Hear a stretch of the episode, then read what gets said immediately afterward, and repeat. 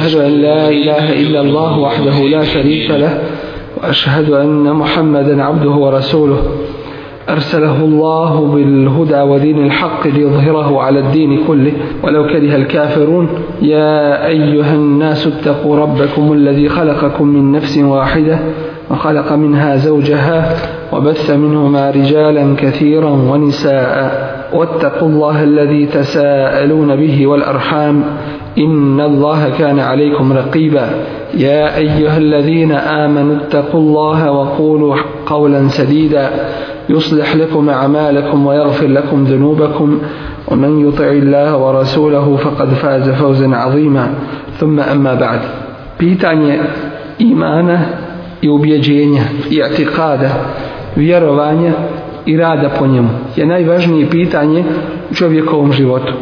i bez sumnje Resulullah sallallahu alaihi sellem je najveću pažnju upravo posvetio ovoj oblasti poučavajući muslimane ispravnom i čistom vjerovanju koje dovodi na kraju do ispravnih i čistih dijela. I nesumnjivo da je Resulullah a.s. uložio najveći trud upravo u ovoj oblasti. Tako ćemo vidjeti da je 13 godina Allahu poslanik ali selam pozivao u čisto i čvrsto vjerovanje.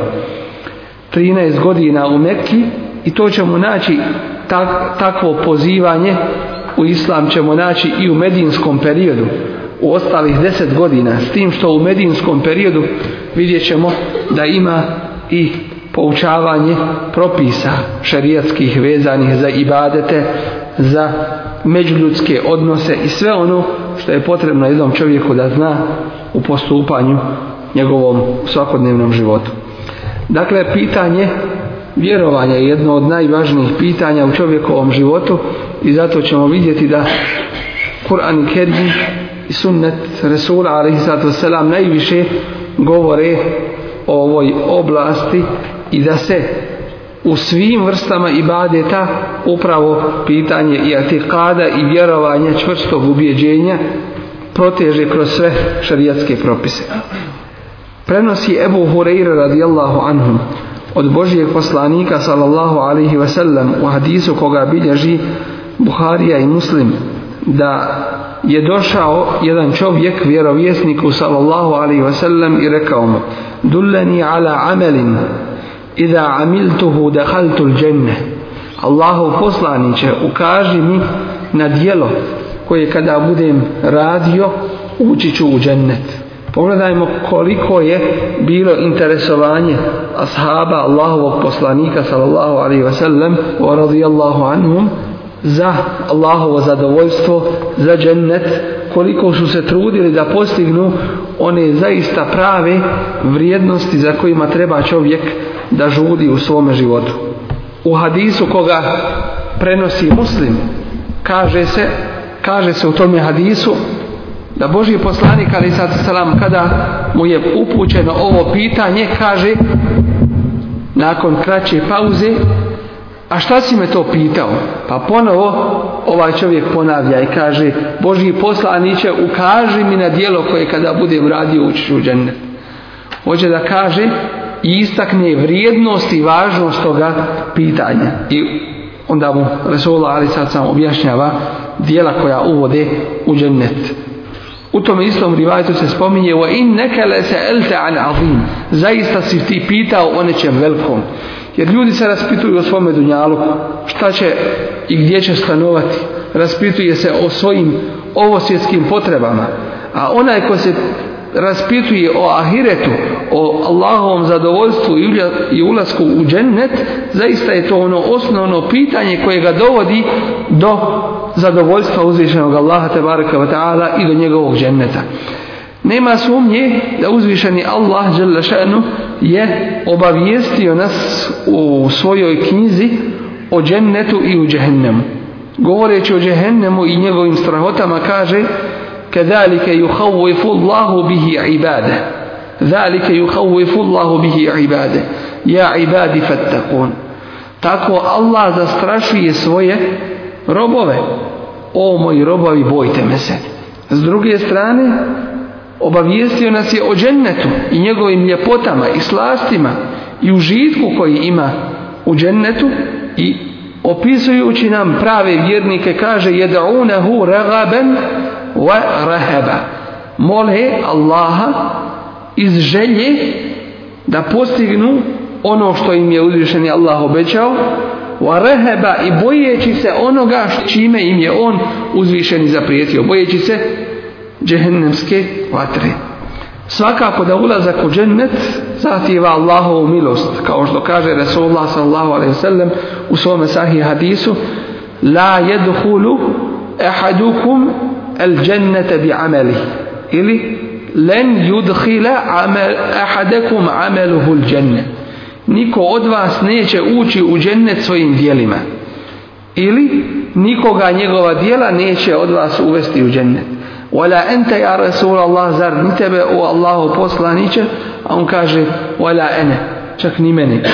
Illa en je tegammeden illahu bi rahmetihi. Osim da me uzvišeni Allah obaspe svojim rahmetom, svojim, svojom milošću, a obavijestio nas je da ga je uzvišen Allah obasuo njegovom milošću, kaže mubina فتحنا لك فتحا مبينا ma لك الله ما تقدم من ذنبك وما تأخر ويتم نعمته عليك ويهديك صراطا مستقيما gdje uzvišeni Allah kaže da sve ono što je učinio i učini da mu oprašta od onoga što je u poslaničkom haku i kod poslanika se uzima kao grije a to je ako urade između dvije stvari onu koja je manje vrijednosti nego ona druga veća i tako dalje dakle obavještava ga da mu je oprostio šta je bilo i šta će biti i da će mu dati od Allahove blagodat. Neki kažu mi ne radimo da bismo dobili džennet, niti radimo što se bojimo Allahove vatri. I kažu čak i ako nas Allah kazni u vatri, mi smo zadovoljni s time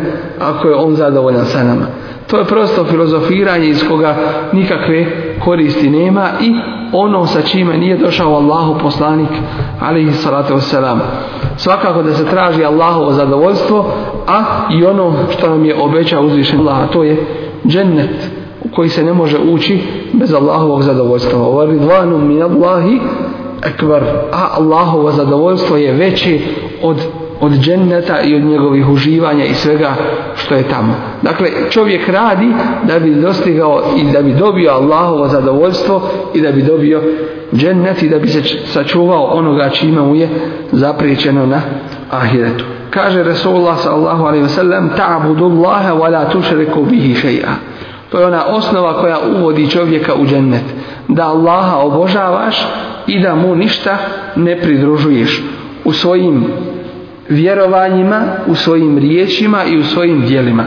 Dakle, čisti tevhid Allahova jednoća i vjerovanje uzvišenog Allaha da on ima svoja lijepa imena i najbolja svojstva i da mu niko nije u tome ni sličan niti ravan da je on jedini koji je karakterističan po svojim dijelima kao što je gospodarstvo vlada svim kao što je stvaranje, kao što je moć, kao što je jednoća i sve ostalo, da on jedini daje na faku, da on sve zna i svime vlada i na sve utiče, a nakon toga sve i badete i sve što čovjek čini na ovom svijetu da čini u ime Allaha Đalešanu.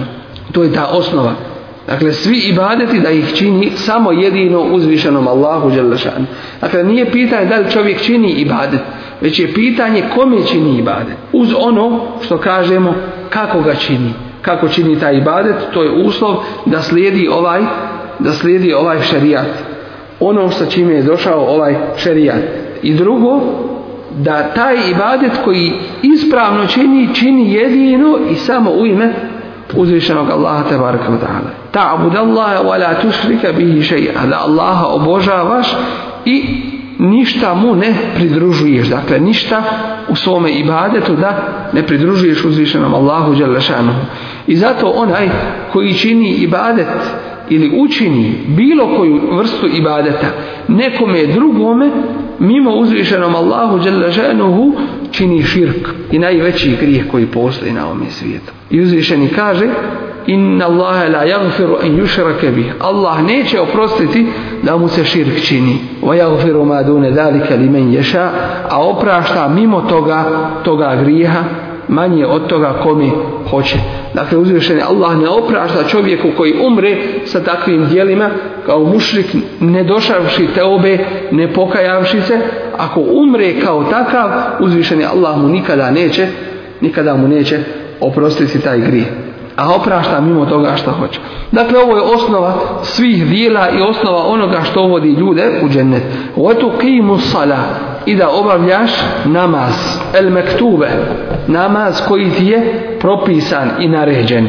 Otu edije zekat el mafruda i da zekat daješ koji ti je propisan, zekat na imetak. Wata suma Ramadane i da postiš mjesec Ramazana. Kale al a'rabi a reče taj čovjek koji je došao, reče Allahovom poslaniku, ali sada selam, وَالَّذِي bi بِيَدِهِ la أَزِيدُ ala هَذَا wala minhu فلما ولى قال النبي صلى الله عليه وسلم من سره أن ينظر إلى رجل min ahli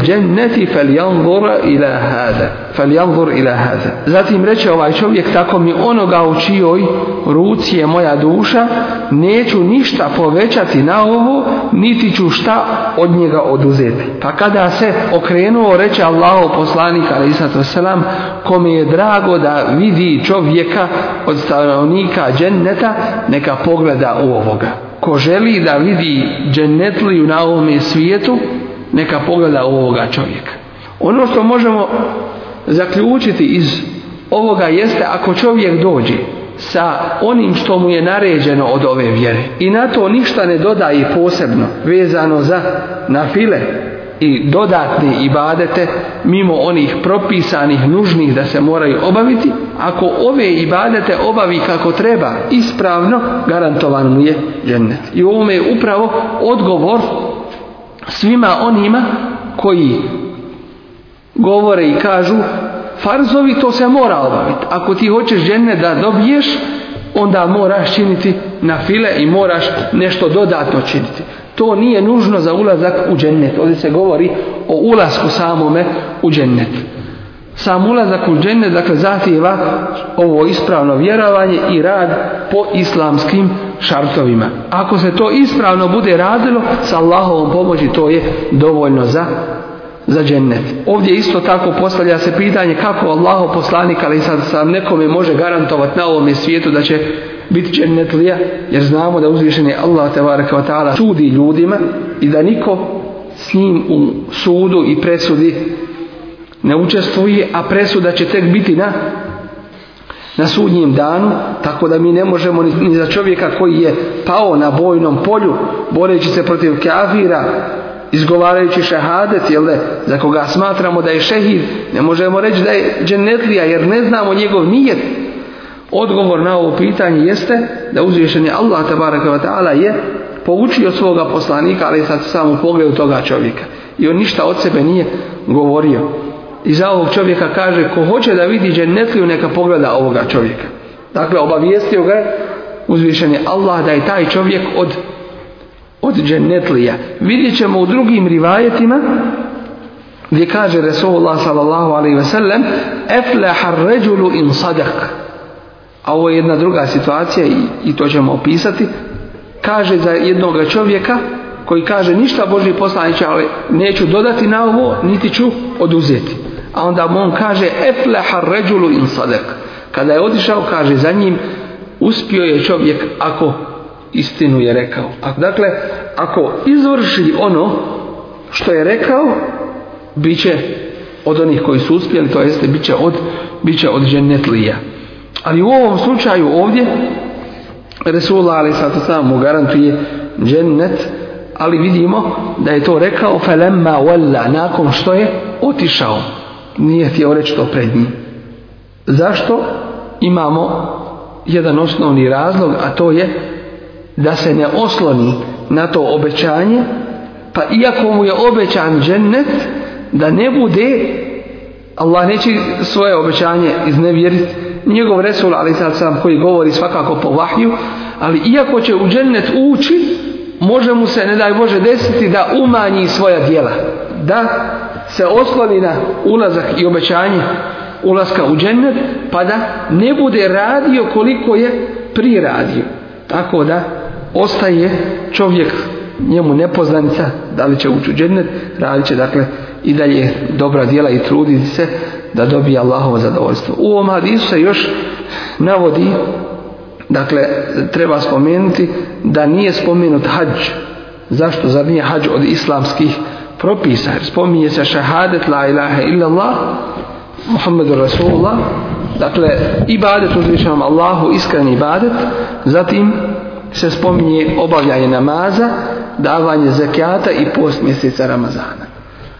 To nije uopšte problematično, Ulema neka spominje da tada hađ nije bio propisan, a imamo druge hadise u kojima se spominje e, koji su to islamski šartovi i osnove islama i u njima se spominje وَتَحُجَّ الْبَيْتَ in istata'ate إِلَيْهِ bira da hađu ova viš ako si u mogućnost dakle i ovo spada ali u vremenu kada je bio pitan Allahu poslanik ali sad sam ovome hađ tada nije bio naređen ko što znamo da je bilo perioda kada nije ni zekijan bio naređen ni post i tako dalje Dakle, ono što možemo zaključiti iz ovoga hadisa jeste ako čovjek ispravno i iskreno bude izvršavao farzove koje mu je uzvišeni Allah propisao u njegovoj vjeri, to mu je dovoljna garancija da će ući u džennet. Uz onaj prvi i osnovni šar, a to je ibadet uzvišenom Allahu iskreni ibadet i nikoga da mu u tome ne pridružuje. Ovaj hadis koji smo malo prije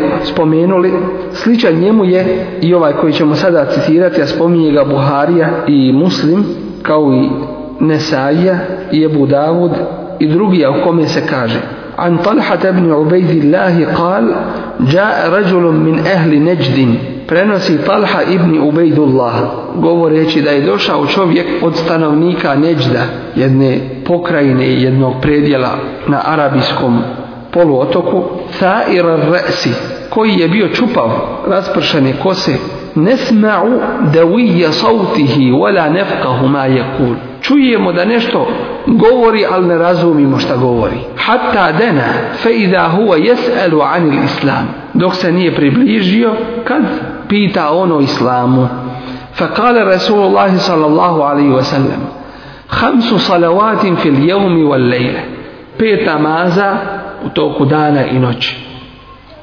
Fakale hel aleje gajruhun pa pita imam li ja obavezu neke druge namaze klanjati mimo ovih faqala la illa en tatawwa kaže mu ne osim da tawwa činiš to jeste dobrovoljno nešto da činiš Kale wasijamu šehri ramadan da postiš mjesec Ramazana. Kale hel alejje gajruhu, imam li ja obavezu nešto drugo da postim? Kale la illa ente tawwa. Nemaš obavezi, osim ako hoćeš dobrovoljno to da činiš. Kale wa dekara lehu, lehu Rasulullahi sallallahu alaihi sallam ez zekate fa kal hel alejje gajruha fa kale la illa ente tawa. Pa mu je Resulullah ali sad sam spomenuo zekat, a on kaže ne, nisi dužan ništa mimo zekata osim ako hoćeš dobrovoljno. Fa te fa Ređulu vahu wa huwa I okrenu se čovjek i ode govoreći: "Wallahi la azidu ala hada wa la min." Tako mi Allaha ništa neću na ovo dodati, niti ću od ovoga umanjiti. Dakle, izvršavaću ono što mi je naređeno i propisano i ništa dodatno neću raditi, niti ću šta oduzimati od ovog naređenog. Da kale Rasulullah sallallahu ve sellem pa mu reče Allaho poslanik alaihi sallatu wasallam, ar ređulu in sada. Čovjek je uspio, ako istinu govori, to jeste da će izvršavati ovo što mu je naređeno i da neće ništa više dodati, niti da će oduzeti. Ovdje treba napomenuti da se radi i govori o ulasku u džennet. Dakle, ovo je potrebno kao osnova ulaska u džennet. A ljudi će biti nagrađivani prema svojim dijelima i njihova u džennetu će biti mjesta prema dijelima koja su na ovome svijetu radili. Pa se može desiti da su dvojica ljudi klanjali isti namaz, a ovome je polovica toga namaza primjena, a drugome trećina. Isti namaz, kao farz su obavljali, ali nisu isto bili skrušeni, nisu razmišljali u namazu i nisu bili prisutni isto, tako dalje, tako da se razlika, da se i u tome pojavljuje razlika među, među njima. Drugo, što čovjek više radi dobrovoljnih ovih ibadeta, ovaj tatavu, u stvari nakon ulaska u džennet, Allahovom milošću, dobiva veći stepen po svojim dijelima. Dakle, što više radi dobrih dijela, sve će sa Allahovom pomoći i milošću dobiti veći stepen u džennet. Hadis Božijeg poslanika ali selam od Sufjan ibn Abdillah Thakafija u kome kaže kultu ja Rasul Allah kul fil islami qawlan لا أسأل عنه أحدا غيرك قال قل آمنت بالله ثم استقم prenosi se od Sufjan ibn Abdullah Sekafija u hadizu koga bilježi Muslim i Ahmed u svome musnedu gdje se kaže rekao sam o Allahu poslaniće reci mi o islamu i o islamu nešto nakon čega nikoga poslije tebe više neću pitati. A onda mu kaže Resulullah ali sad sam kul amentu billahi Thumme Reci, vjerujem Allaha, a zatim ustraj. Zatim budi na je ispravnom putu do kraja svoga života. Iz ovog hadisa se može više pouka izvući. Kao prvo, da nije dovoljno samo u određenom periodu čovjekovom prihvatiti istinu, već pored prihvatanja istine potrebno je na njoj ustrajati. Zato kuranski ajet kaže: "Wa tawassaw bil haqqi wa sabr." jedni drugima preporučuju istinu, a najveća istina jeste vjerovanje, iskreno i čisto i rad po tome, A nakon toga jedni drugima preporučuju strpljivost, ustrajnost, čvrstinu, izdržljivost na pravome putu. Jer nakon imana čistog i čvrstog dolazi za sigurno iskušenja ljudima. I zato nije dovoljno da čovjek samo u jednom trenutku prihvati istinu i da se za tu istinu žrtvuje, a nakon toga, na kraju svoga života, da promijeni to, da ostavlja svoje obaveze, da radi kako ne treba. I zato je vrlo važno kakav će se čovjek susresti sa uzvišenim Allahom Đerdašanu. Jer će biti proživljavan onako kako preseli, onako kako je pred kraj života živio. Dakle, čovjek treba da nastoji da kako je prije radio dobra djela da još više pred kraj pred kraj radi dobra djela e, govorili su nekim ashabima Allah ti se smilovao zar nisi kao mladić primio islam zar nisi se borio na Allahovom putu sada kada si ostario što sebi što se sebi ne smiluješ što sebi malo ne olakšaš što toliko sebe opterećuješ u namazu, postu, učenju Kur'ana i tako dalje. A on mu odgovara jednim jasnim primjerom i kaže zar nisi gledao kada se konji utrkuju pa ćeš vidjeti da veliki napor ulažu na početku svoga puta. A kada dođu pred cilj, onda one posljednje snage svoje ulažu i najjeću snagu daju upravo tu na cilju. A kaže, ja sam već došao do svoga cilja. Dakle, približila mi se smrt, hoću upravo sada pred smrt da što više radim dobra djela i da ulažem truda i snage da ne bih kasnije požalio što mi je prošao život, a ja sam, a ja sam bio u nemaru i vrijeme mi brzo prolazilo. Drugo, kaže, kažemo Rasulullah ali sad sam, kul amentu billahi, reci vjerujem Allah, zatim ustraj. Što znači da ovdje vjerovanje obuhvata i rad, ne samo vjerovanje kao i etikad, ubjeđenje, već i rad po tome vjerovanju i onda nakon toga ustrajnost na tome, na putu. Dakle, iman uz, uzvišenog Allaha, tabaraka obuhvata kako ubjeđenje i vjerovanje, tako i govor i rad tome objeđenju i vjerovanju. Kao što je važno da čovjek vjeruje, još je važnije da u tome ustraje. Summe zatim ustraje, što znači to ustrajavanje potrebno mu je jedan duži period da čovjek se učvrsti u tome imanu i ustraje u njemu da ne popusti. Prenosi se od Ubade tubnu Samita radijallahu anhu da je Boži poslanik ali sad sam rekao Kala Rasulullah sallallahu alaihi wasallam wa hawlahu isabetum min ashabi a oko njega je bila jedna skupina njegovih ashaba Baji'uni ala alla tušriku billahi še'a Dajte mi zavjet, bejo da nećete Allahu nikoga pridruživati da mu širk ni u čemu nećete činiti Wala tesriku, niti da ćete krasti. Wala teznu, niti da ćete zinalu činiti, ne mora. Wala taqtulu auladakum, i da nećete svoju djecu ubijati. وَلَا تَأْتُوا بِبُهْتَانٍ تَفْتَرُونَهُ بَيْنَ أَيْدِيكُمْ وَأَرْجُلِكُمْ Niti da ćete svoju djecu drugima postavljati, kao da su to tuđa djeca. وَلَا تَعْصُوا فِي مَعْرُوفٍ i da nećete biti nepokorni u onome što je vjerom propisano i što je poznato. Femen wafa minkum fa ajruhu ala Allah. Ko od vas to ispuni, njegova je nagrada na Allah. Allah uzvišen će ga nagraditi. Wamen asabe min zalika shay'an. Ako od toga nešto učini, od ovih griha, fa uqibe fi dunya pa bude kažnjen na dunjaluku, na ovom svijetu. kefaratu lehu. To mu je kefaret za ono što je učinio. Jer uzvišeni Allah svoga roba ne kažnjava dva puta za jedno djelo. Već ako ga kazni na ovom svijetu, to će mu biti kefaret i iskupljenje za taj grijeh. asaba min zalika shay'an ako od toga nešto učini, thumme setarehu Allahu alaihi, pa ga Allah pokrije u tom je grijehu. Ne dadne da taj grijeh postane poznat među ljudima, da ga ljudi vide i saznaju za njega. Fehuva ila Allah. Onda taj čovjek i njegova djela su kod Allaha. In afa anhu. Ako hoće, Allah će mu oprostiti ih Wa in aqabahu, a ako hoće, kaznit ga za to. Da vidimo neke pouke iz ovoga hadisa isto tako. Resulullah a.s.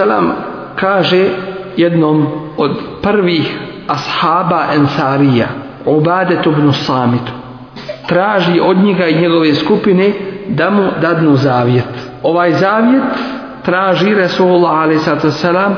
od svojih ashaba.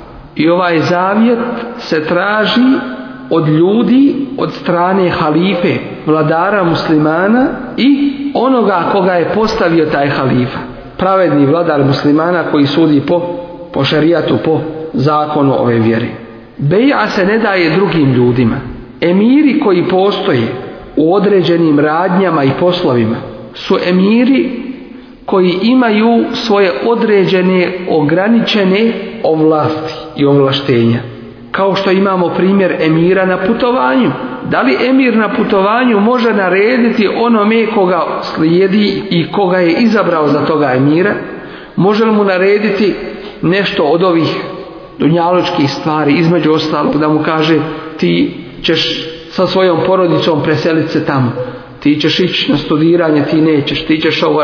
Da li to ulazi u, emirstvo to koje mu je dato? Svakako da ne ulazi. I danas ćemo naći neku vrstu podvajanja među muslimanima upravo u nepoznavanju ovog principa emirstva i davanja beje i davanja prisege i zavjeta tim emirima. I zato na to je posebno obratio pažnju kako imam i šafija, tako i šehol Islam ibn Tajmije i drugi od ulemi Imam Šafija spominjući u svojoj risali ovu našu današnju situaciju, rekavši ako se desi muslimanima da ne budu imali svoga jednog vladara, pa se rasprše po zemlji i budu slabi, nije dozvoljeno jednoj skupine da traži od ostalih da im dadnu prisebu. Zašto? Jer će upravo to na taj način biti put do podvajanja i odvajanja u razne partije.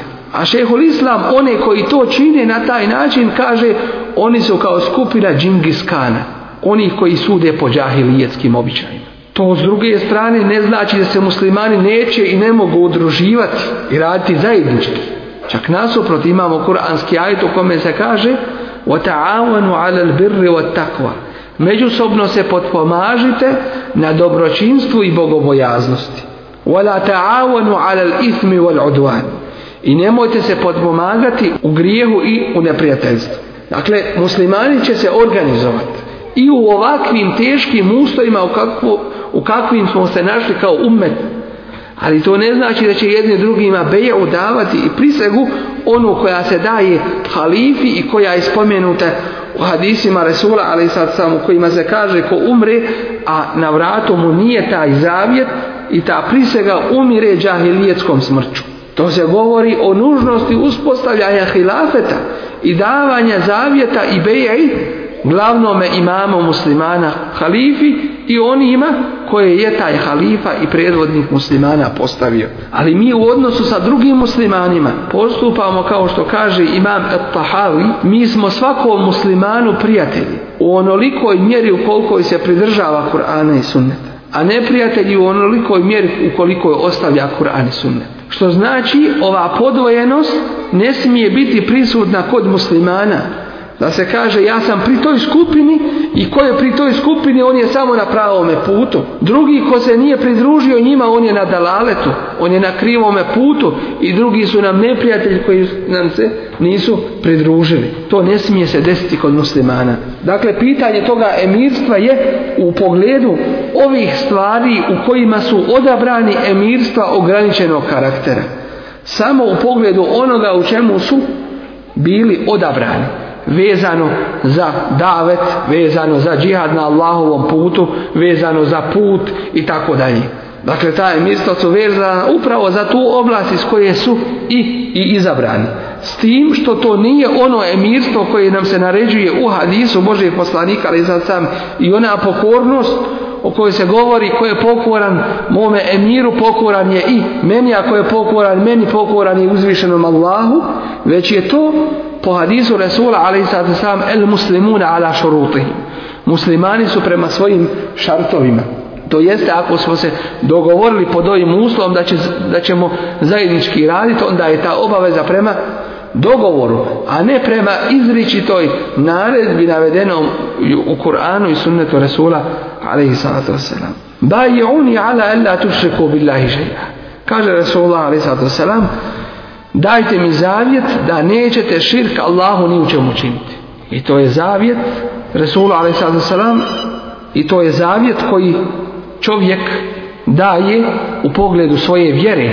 Da će biti, dakle, iskren u pogledu vjerovanja u uzvišenog Allaha tabaraka wa ta'ala i da će jedino njemu ibadet činiti valjate tesrihu, da nećete krasti, da nećete nemoral činiti, da nećete ubijati svoju djecu, da nećete jedni drugima postavljati svoju djecu kao da je njihova djeca, da nećete nepokorni biti u onome što je propisano. Naći ćemo Kur'an Kerimu da uzvišeni Allah opisujući nam svoje poslanike kaže da su neki pozivali na jedno, drugi na drugo. U pogledu ovih propisa ali kod svih je bio isti princip osnovni. A to je Ja kao mi abudullahe ma lekum min ilahin gajru. O moj narode, Allaha obožavajte, mi drugog Boga osim njega nemate. Svi su to pozivali.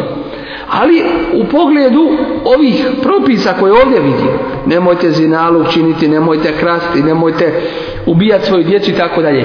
Vidjet ćemo da su Allahovi poslanici posebnu pažnju pridavali otklanjanju grija koji su se pojavljivali u njihovo vrijeme. Kod Luta, ali i sada vidjet ćemo da on kaže, o moj narode, ete tune zukevale minal alemin, zar vi prilazite muškarcima od svijeta. Nemorali, najgoru vrstu nemorala činite. وَتَذَرُونَ مَا خَلَقَ لَكُمْ مِنْ أَزْوَاجِكُمْ I ostavljate ono što vam je Allah stvorio od vaših žena i tako dalje. Kritikuje ih u pogledu toga nemorala koji su činili.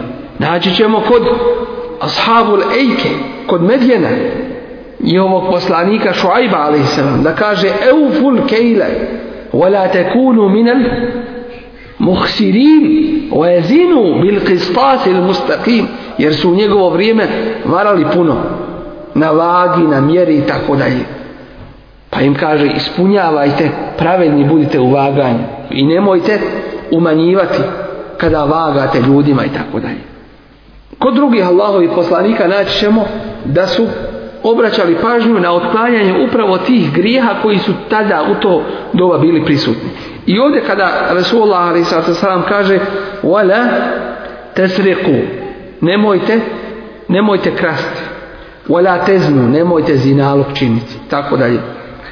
Dolazi jedna žena Božim poslaniku ali sad sam i kaže a Božji poslaniće zar može jedna slobodna žena časna žena zinalog da čini nemoral da čini čak i u džahilijetu kod njih je bilo nekih principa moralnih i zato Resulullah sam dolazi da upotpuni moralne vrline. Ne da ih osnuje jer su one već postojale. Jer ostaci prijašnjih objava vjerovjesnika su bili među ljudima. Ali došao je da otkloni one negativnosti i upotpuni i usavrši ih. Pa kaže, zar može jedna slobodna časna žena zinalu da čini nemoral? ova vjera nije objavljena jednoj kategoriji ljudi, nego svim ljudima. I zato se u hadisu Rasula a.s.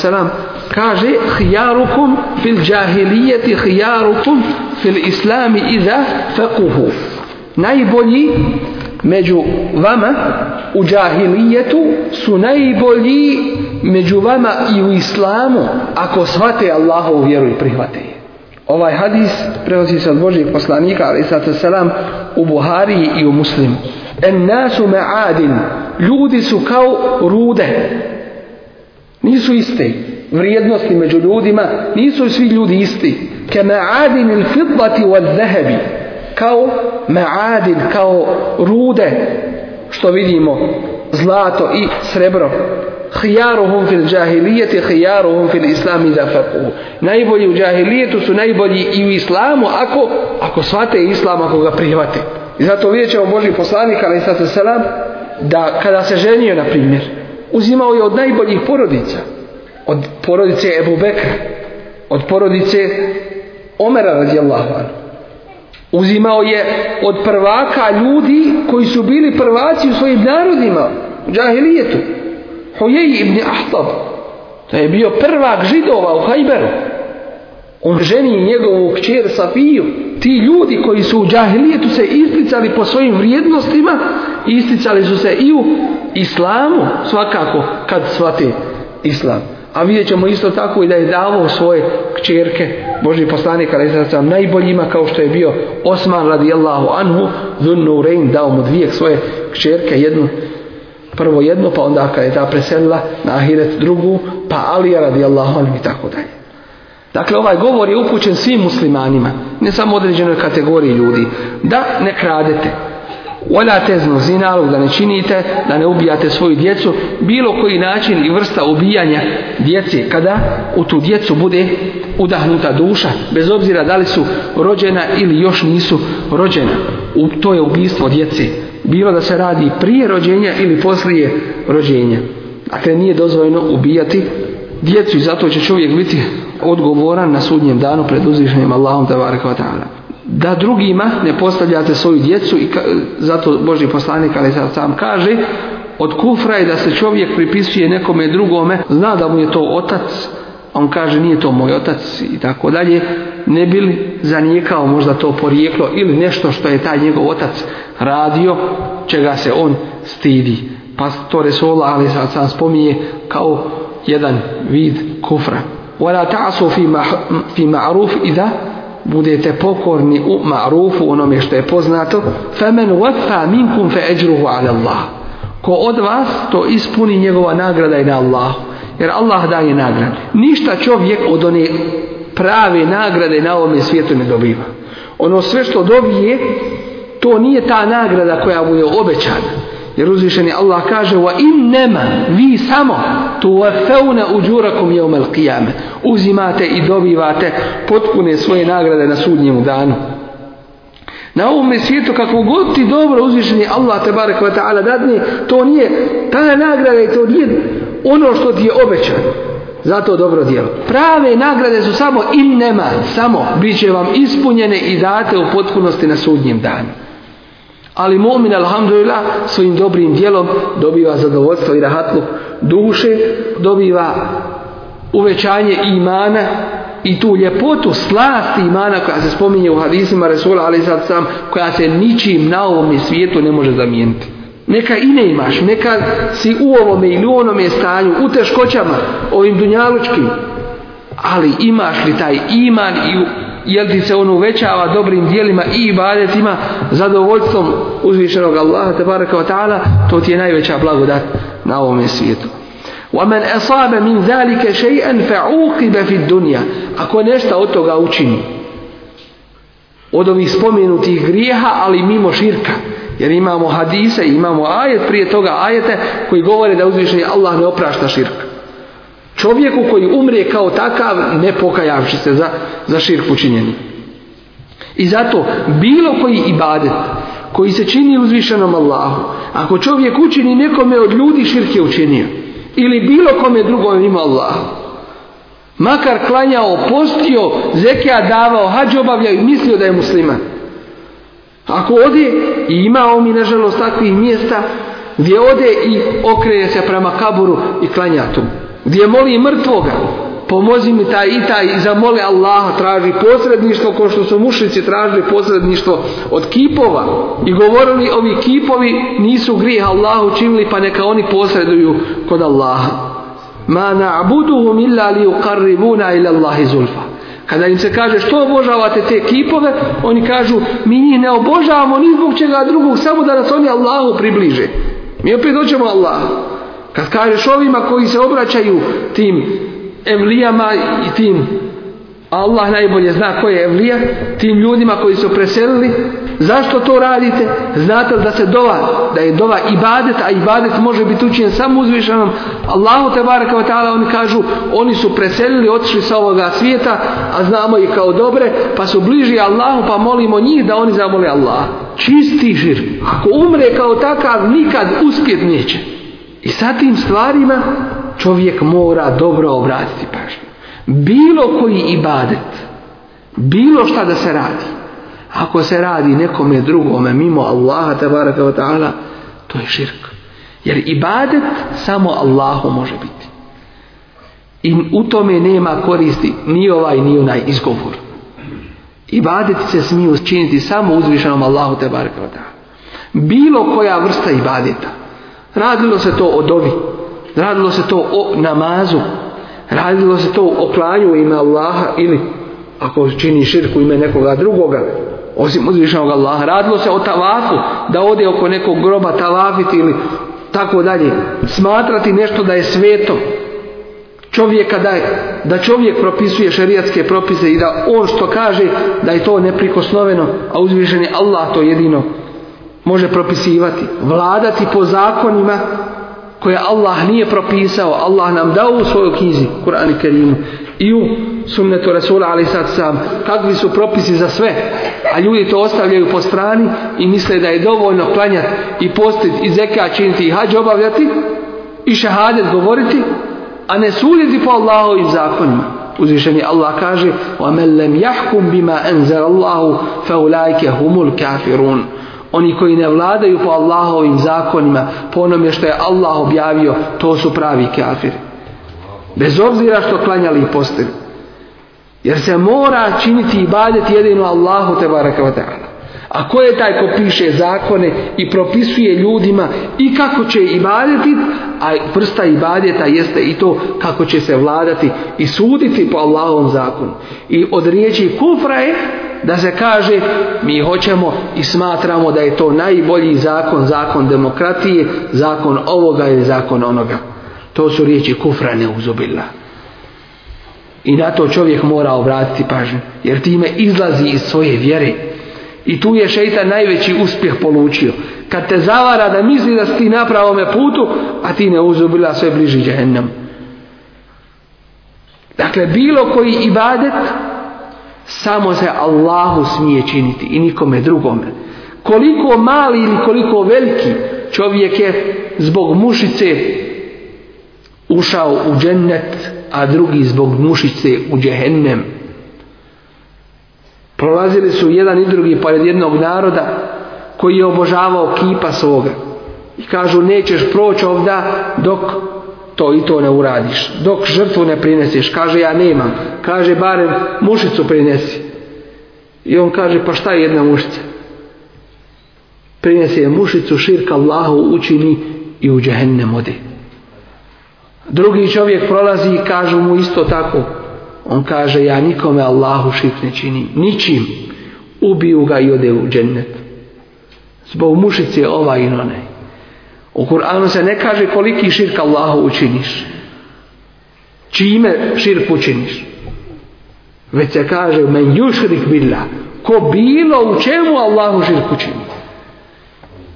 I zato kad mušrici na kijametskom danu oni koji su uzvišenom Allahu te vara u bilo čemu širk učinili i nisu od toga te obe došli, nisu se pokajali kad vide na sudnjem danu Allah oprašta ovo, Allah oprašta ono, Allah oprašta mnoge i velike grije oprašta.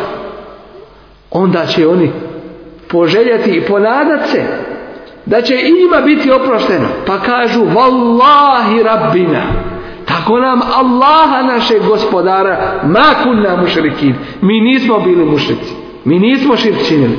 A uzvišenje Allah nam kaže وَمَا يُؤْمِنُ اَكْتَرُهُمْ بِاللَّهِ وَهُمْ A većina ih neće vjerovati Allaha ako njemu u ibadetu nekoga neće pridružiti. Ako nekoga njemu u ibadetu neće pridružiti.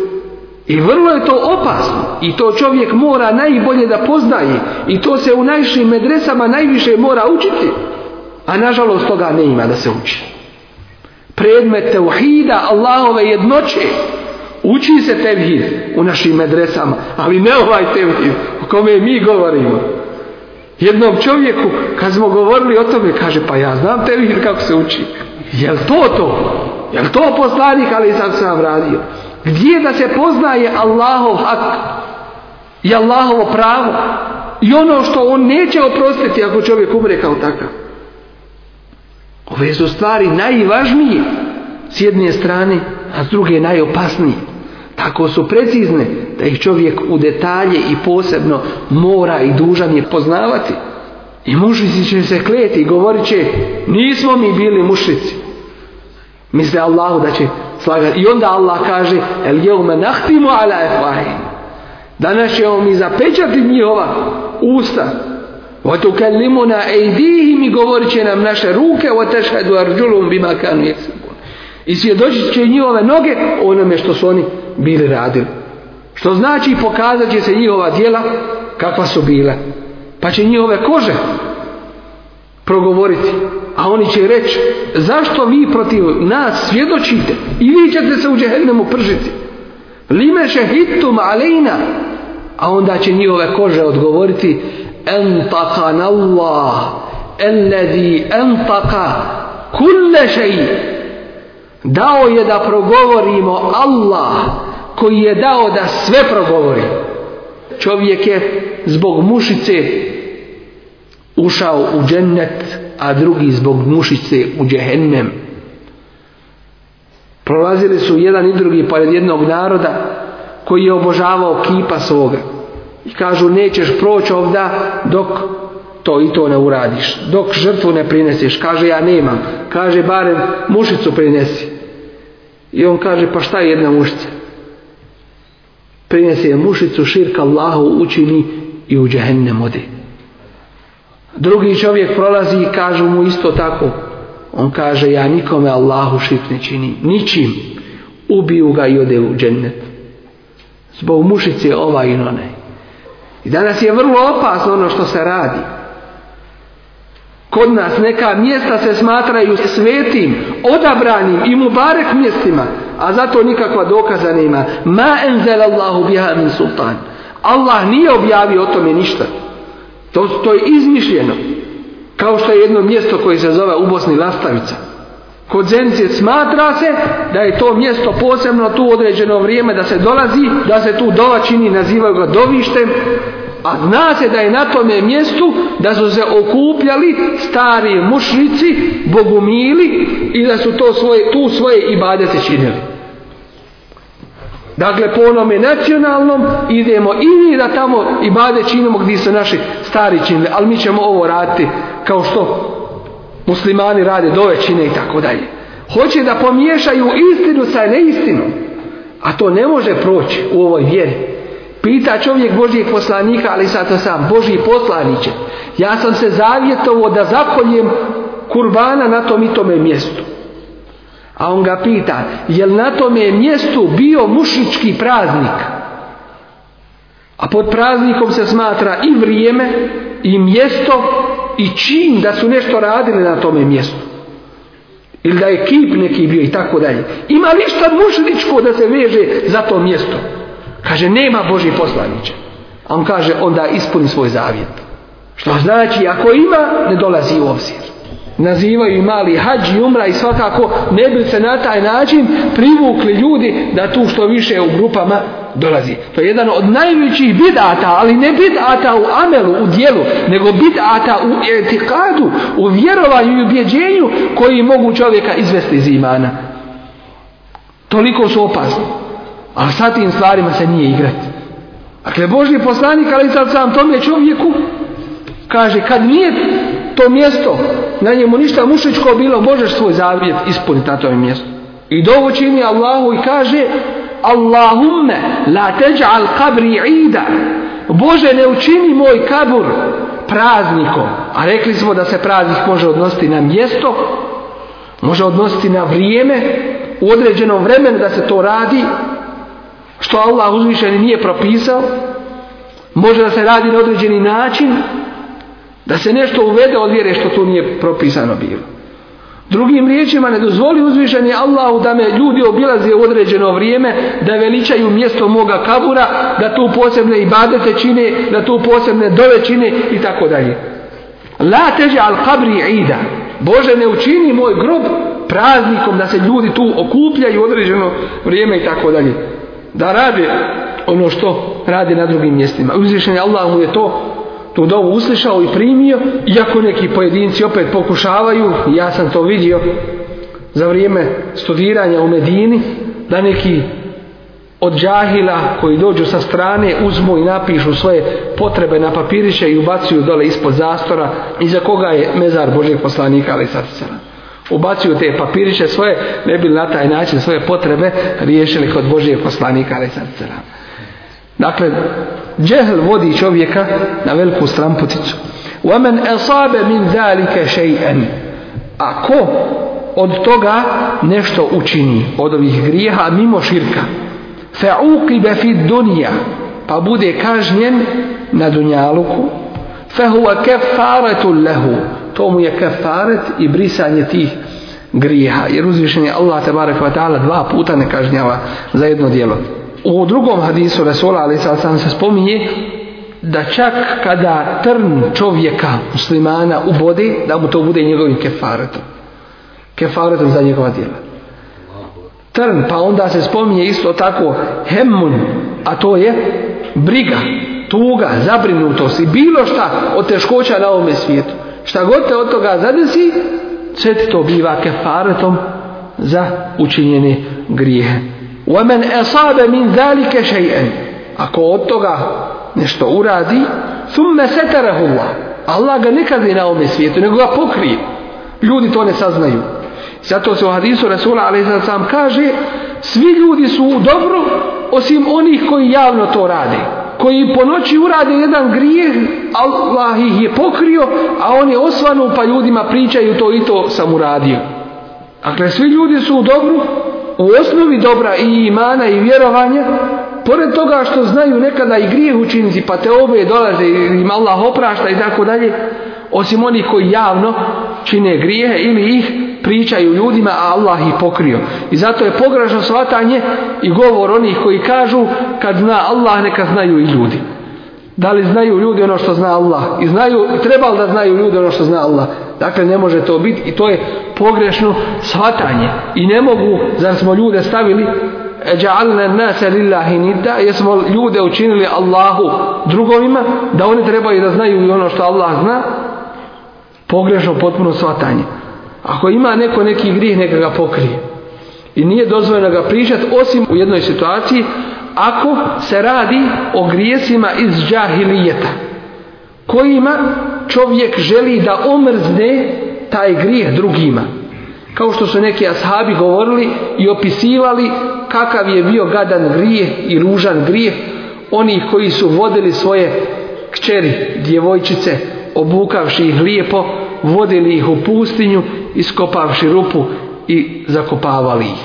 Opisujući taj svoj grije i način kako su to radili, žele da ljudima omrznu taj džahilijet a ne da im to privole, da im omile taj džahilijet Thumme setarahullah, zatim ga Allah pokri, alihi fahuva ila Allah. Allahu je njegov grije, inša je afa'an. Ako hoće na kijametskom danu, Oprostit će mu, va im a ako hoće, kaznit će ga džehennemom za taj, za taj grijeh. Govori se svakako o grijehu mimo širka i govori se svakako o grijehu od koga čovjek nije te učinio i nije se pokajao. A onaj ko se iskreno Allahu ta'ala pokaje, uzvišeni Allah mu prihvata njegovu teobu i pokajanje. Molim tabaraka Allah ta'ala da nas pouči propisima njegove vjere i da nam ih olakša. Amin. Subhanakallahumma bihamdika shahadu la ilaha illa anta astaghfiruka wa atubu ilaik.